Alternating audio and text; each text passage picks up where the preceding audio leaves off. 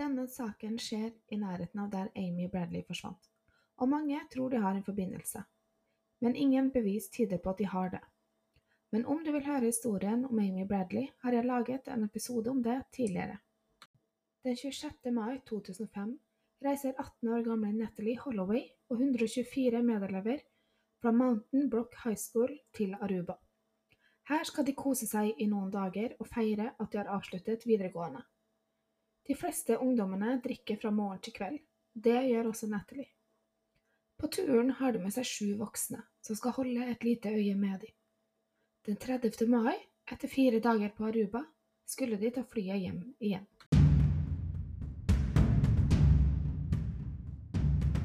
Men Natalie dukker ikke opp på flyplassen. En gruppe av de voksne som var sammen med de på turen, reiser tilbake til hotellet for å lete etter henne. Her finner de all bagasjen hennes ferdig pakket.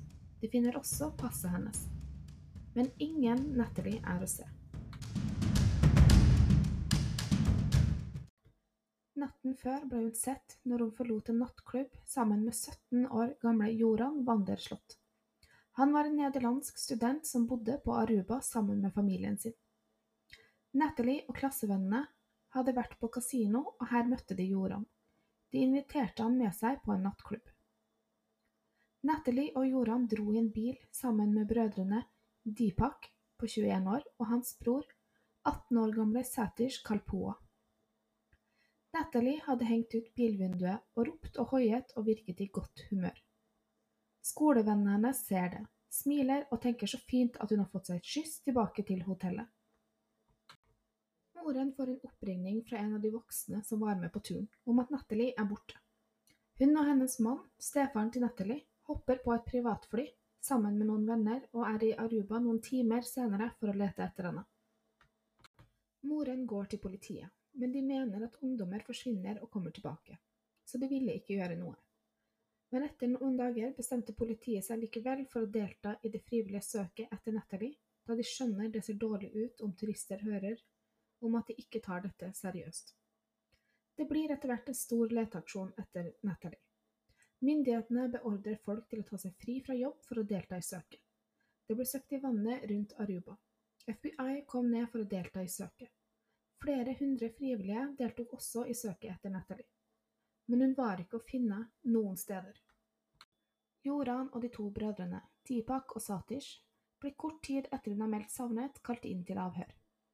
Joran forteller først at han ikke visste navnet hennes engang, men han forandrer raskt forklaring til å si at den natten ville Natalie se på haier, så de kjørte til en strand. De var der en liten stund før de kjørte henne tilbake til hotellet. Han forklarer videre at når hun går ut av bilen ved hotellet, så ramler hun. Hun nekter han i å hjelpe henne, så de kjører av gårde mens hun ligger på bakken. I speilet ser han en mørk mann med svarte klær som går imot Natalie. Han så ut som en sikkerhetsvakt. Overvåkningsvideoer på hotellet viser at Natalie aldri kom tilbake denne kvelden. Men politiet arresterer en sikkerhetsvakt som jobber på nabohotellet, på bakgrunn av det Joran forklarte dem. Men de har ingen bevis mot han, og de slipper han fri noen dager senere, og anklagene mot han droppes. Joran og de to brødrene blir så arrestert og siktet for kidnapping og drap på Natalie. De kommer etter hvert med mange forskjellige historier. Først at de ikke visste hvem hun var. Så at de kjørte henne tilbake til hotellet. Så kom de med at de forlot henne på stranden. Så sier Joran at han dro hjem og forlot henne med de to brødrene. Det sier han etter at de to brødrene sier at de slapp av henne og Joran på stranden og kjørte videre.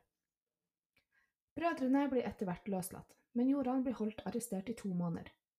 De må til slutt la han også gå, da de har ingen bevis mot ham.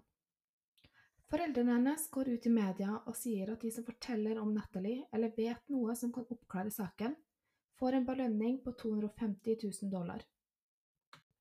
I 2007 utgir Joran en bok om Natalie, der han ber om unnskyldning for at han forlot henne på stranden, og for at han har løyet så mange ganger.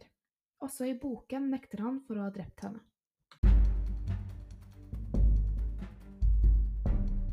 Etterforskerne finner ingenting. Ingen ledespor, ingen bevis, ingen Natalie, ingenting. Tre siste som så Natalie i live, forandret historien sin flere ganger. Men uten bevis kunne de ikke holde de arrestert eller siktet i saken. I 2007 blir de igjen arrestert av nye bevis, men det ble aldri delt med offentligheten hva de nye bevisene var. Men nok en gang blir de løslatt kort tid etter. I 2008 jobber en nyhetskanal i Nederland med å ansette en tidligere kriminell nederlender som skal jobbe med å få tillit til Joran og få han til å tilstå drap på Natalie eller fortelle hva som skjedde. Han jobber i flere måneder med å bli venn med Joran og få han til å ha tillit nok til å tilstå. Etter hard jobbing tilstår endelig Joran til han på skjult kamera. Dette ble sendt på nederlandsk TV. Han sa i klippet at de hadde hatt sex på stranden, at Natalie fikk et anfall, og han sier at han ringer en venn. Han hjelper Joran med å få henne i båten sin, og de kjører ut og dumper henne. Han sier at han vet ikke sikker om hun var død når de dumpet henne i vannet. Han sier også at faren, som er advokat, hjalp han. At faren sa han måtte dra på skolen dagen etter og oppføre seg helt som normalt. Når dette klippet ble sendt, trekker han tilbake tilståelsen. Han sier politi til politiet at han bare sa det for å virke kul, og han sa det han trodde vennen hans ville høre. Så nok en gang nekter han drap på Natalie. Noen måneder senere skifter Joran igjen forklaring. Han sier i et medieintervju at hun ble solgt som sexarbeider. Avtalen var at Joran skulle ta med en blond jente på stranden. Der ville noen komme og ta henne. Så han sier han tar med seg Natalie på stranden. Han forteller henne at de skal på båttur. Det kommer en mann fram til dem, som tar tak i Natalie og drar henne med seg til båten. Han gir Joran 10 000 dollar. Senere trekker han også denne tilståelsen. Joran tjener gode penger på å gi intervju og på boken sin. Han skor seg godt på Nathalies forsvinning. Han gir også et intervju om at grunnen til at han løy så mye, er fordi familien til Natalie behandlet han så dårlig. På et intervju ble Joran så forbannet når en krimreporter ikke trodde på det han sa, at han kastet vin i ansiktet på han. I 2008 prøver Joran å lure jenter fra Thailand til Nederland. Han sier han jobber for et modellbyrå og han vil sende de til Nederland for å jobbe som modell. Hans egentlige plan var å sende de ned som sexarbeidere. Så tar Joran kontakt med familien til Natalie og forteller at for 250 000 dollar skal han fortelle de hvor de kan finne liket hennes. Familien kontakter FBI, og de blir enige om å lure han og gi han pengene. Familien gir han penger, og han forteller at faren hadde gravd henne ned under et hus. Dette var løgn, da huset ikke var bygd på den tiden Natalie forsvant. Han klarte å rømme til Peru før FBI får arrestert han. Så nå jaktet de han for utpressing og falsk forklaring. På dagen fem år etter at Natalie forsvant, finner hotellansatte på et hotell i Peru 21 år gamle Stephanie Flores død. Rommet hun blir funnet på, står i Jorans navn. Overvåkningsvideoer viser at Joran og Stephanie møttes på en pokerturnering, og hun ble med han til hotellet hans etterpå. De blir filmet når de går opp, og tre timer og 20 minutter senere kommer Joran ut av hotellet alene. Han bærer på en ryggsekk og sier til resepsjonen på hotellet at de ikke skal vekke dama hans som ligger og sover. Joran tar bilen til Stephanie og forlater den et stykke unna. Så prøyer han en taxi som får han til å kjøre han over grensen til Chile. Han blir tatt få dager senere og overført til Peru, her han blir arrestert for drapet på Stephanie.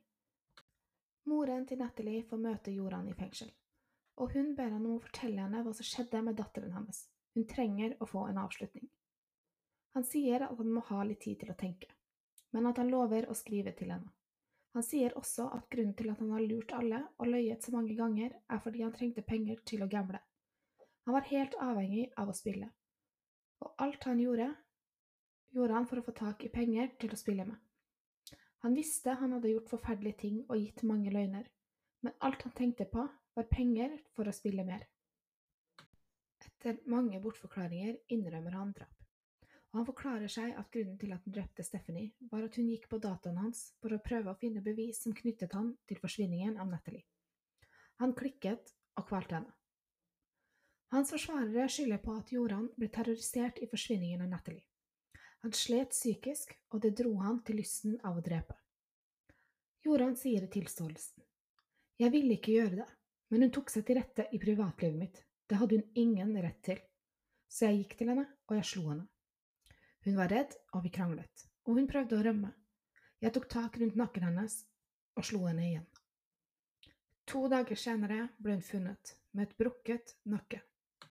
I 2011 ble han dømt til 28 års fengsel for drapet på Stephanie. Joran sitter i fengsel i Peru. Han har også giftet seg. Han skal ha blitt stukket med kniv flere ganger av andre medfanger. Ingen vet hva som skjedde med 18 år gamle Natalie Holloway, men det fins forutenom Joran tre andre teorier på hva som kunne ha skjedd. Teori 1 hallikene. Stranden Joran sa han og Natalie dro til, var det denne kvelden tre fiskere på. De er alle sikre på at ingen av de to var på stranden den kvelden. De sa det hadde vært umulig at de var der uten at de så dem. Joran hadde forklart i et av sine mange forklaringer at Deepak Sæters, Natalie og jeg kjørte til huset mitt. Når vi kom dit, ca. 01.40, spurte jeg Natalie om hun ville være med meg inn. Jeg ville ha sex med henne, og etterpå ringe en taxi som kunne kjøre henne tilbake til hotellet. Flere venner forteller at Joran brukte å ta med seg jenter hjem ganske ofte for å ha sex med dem, spesielt amerikanske jenter. En venn av Joran forteller politiet at to måneder før Natalie forsvant, hadde han leid seg et hotellrom i flere dager. Hver kveld tok han med seg nye jenter hit for å ha sex med dem. En kveld tok han med seg en 14 år gammel jente og filmet henne uten hennes viten mens de hadde sex. Politiet fant flere chatter på Jorans telefon at han og venner brukte å ta bilder og video av at de hadde sex med fulle jenter. Politiet hadde grunn til å tro at Joran hadde kontakt med en amerikansk mann som bodde i Aruba. Han drev sexhandel. Han prøvde å få jenter fra Amerika og andre plasser i verden til å komme til Aruba og jobbe som modell, men det han drev med, var å ta bilder og pornovideoer av jentene. Men politiet klarte ikke å bevise tydelig nok at Joran jobbet med sexforhandlere. Teori 2 DJ-en Denne teorien handlet om en DJ kalt Diablo. Han jobbet på partybåten Tattoo på Aruba. En uke etter at Natalie forsvant, kontakter Diablo selv politiet og sier at han er et vitne. Han sier at han så Joran og brødrene kjøre Natalie til hotellet den kvelden. Han sier han så at de slapp henne av i lobbyen. Men overvåkningskameraet viser at Natalie aldri kom tilbake til hotellet denne kvelden. Når politiet spør om han har alibi, sier han at han jobbet på båten den kvelden, og etter det sov han i båten noen timer. Men eieren av båten sier at Diablo ikke jobbet denne kvelden. Han blir nå arrestert for å ha gitt falsk forklaring, og blir nå etterforsket i forsvinningen på Natalie. Han kommer med flere historier på hvor han var den kvelden. Den ene historien er jeg hentet vennen min Jeremy rundt 11.30. Vi dro til nattklubben Choose a Name. Jeg husker ikke at vi dro til Carlos and Charles. Det var her Natalie var den kvelden hun forsvant. Men de som jobbet på Carlos and Charlies, sier at han var på klubben denne kvelden. Han sier videre at han festet til 04.30.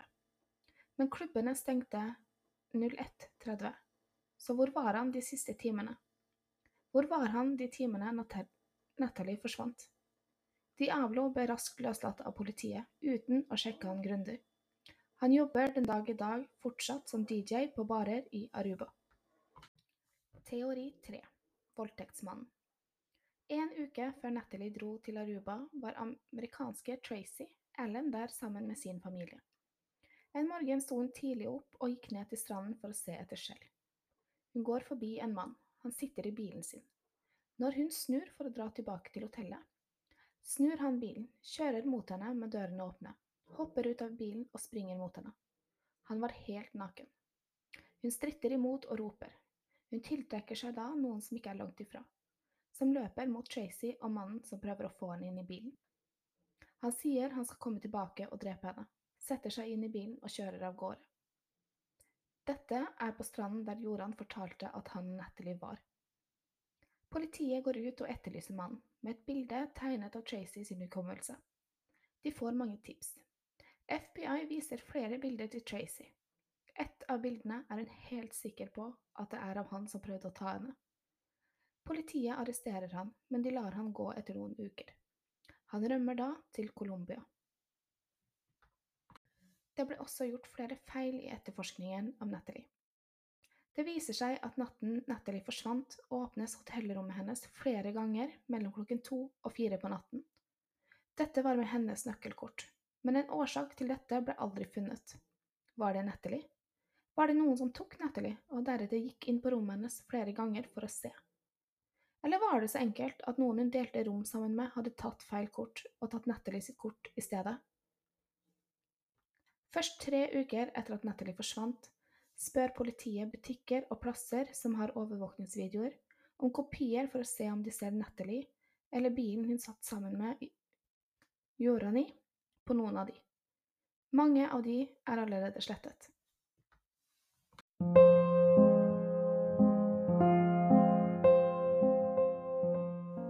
Hva som skjedde med 18 år gamle Natalie Holloway i 2005, er et mysterium. Og det kommer nok til å være et mysterium til noen eventuelt kommer fram og innrømmer noe.